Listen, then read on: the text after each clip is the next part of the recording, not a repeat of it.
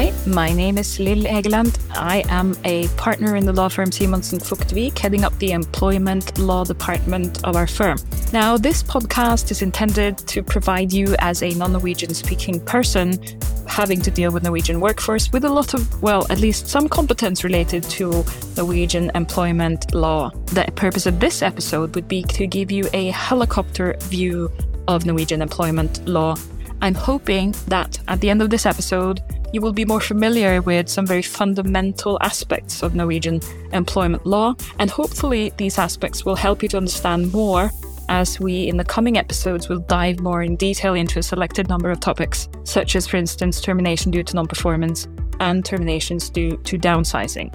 As with the Norwegian podcast I'm hosting, my encouragement to you is to take your phone with you, go out in the sun or rain or snow or whatever it, the weather which uh, give you here, and listen to the podcast when you are out walking.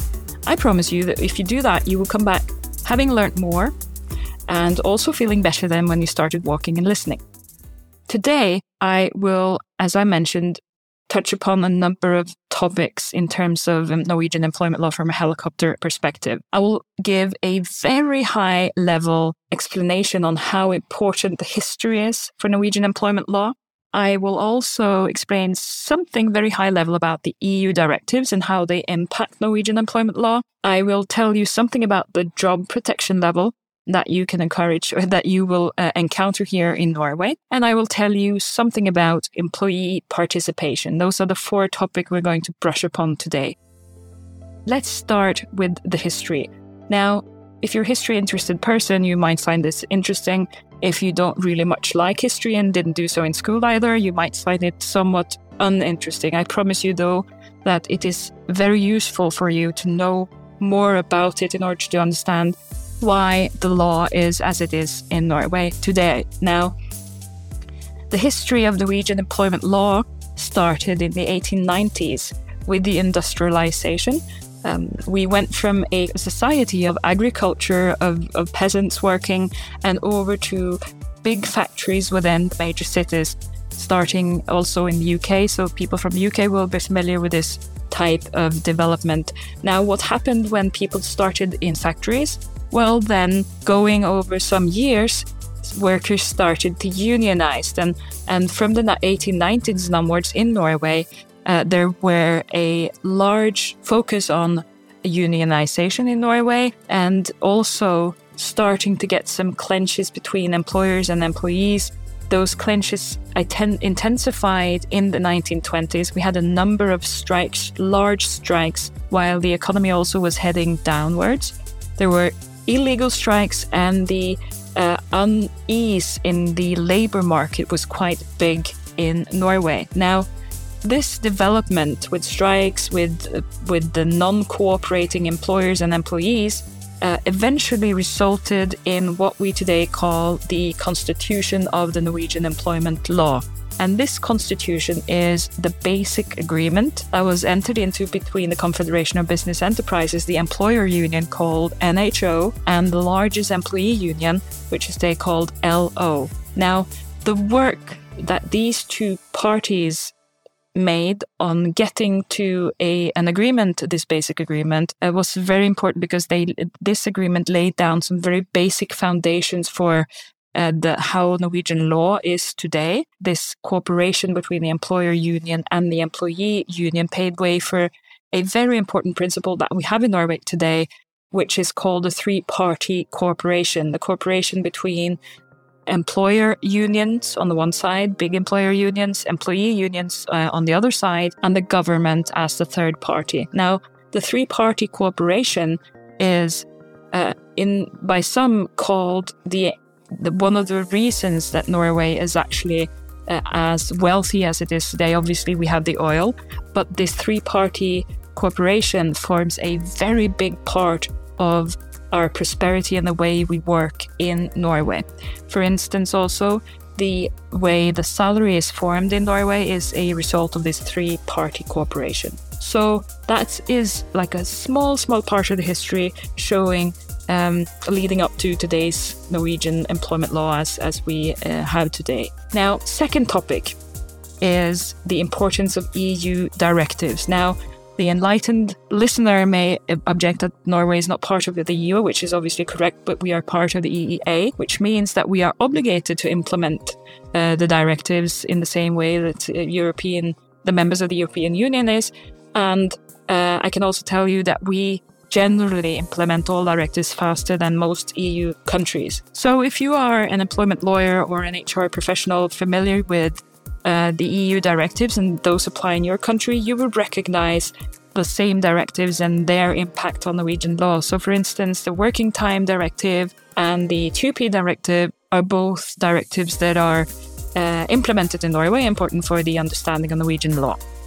The third topic in this 10 minute overview of Norwegian employment law is the um, job protection level and the importance of permanent employment. You may have, if you've been working here for a while, realized that the job protection rights of Norwegian employees is quite high, and indeed that is correct. Uh, the job protection rights are strong in Norway. There's no doubt about it. I believe that we are one of the strongest countries in terms of employee protection uh, in the world.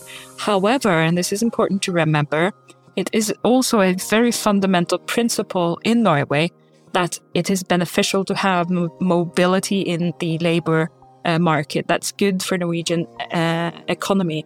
So what you need to do as an employer is to strike that correct balance uh, in handling the termination cases. You need to handle the termination case or the downsizing in a way that's correct and fair. And in a situation like that, you will always, and I say this without exception, always be in a position to handle the transition of, uh, the employees over to a new job much better and in compliant with Norwegian law. But it is important that you put effort uh, into that process, whether that is a termination case due to perform- non-performance or whether it's downsizing. You need to, need to do it in a way that's fair and correct. And if you do so, uh, well, then you will be in a position to actually get the employees over to the new job that they should have, which is not in your company. Now, second part, we have a strong job protection. It means it can be difficult to fire employees, but it's easier and it's better if you do it in a compliant way. Uh, there's also the strong main rule of Norway that you need to hire people on a permanent basis. Now, the use of contingent workforce is the exception.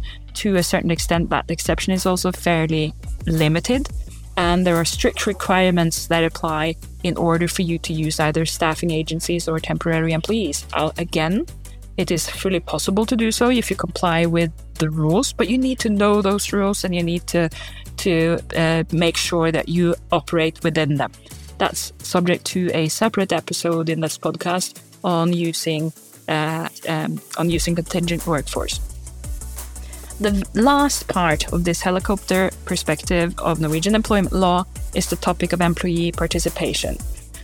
The employee participation and, and the concept of that is strong in Norway.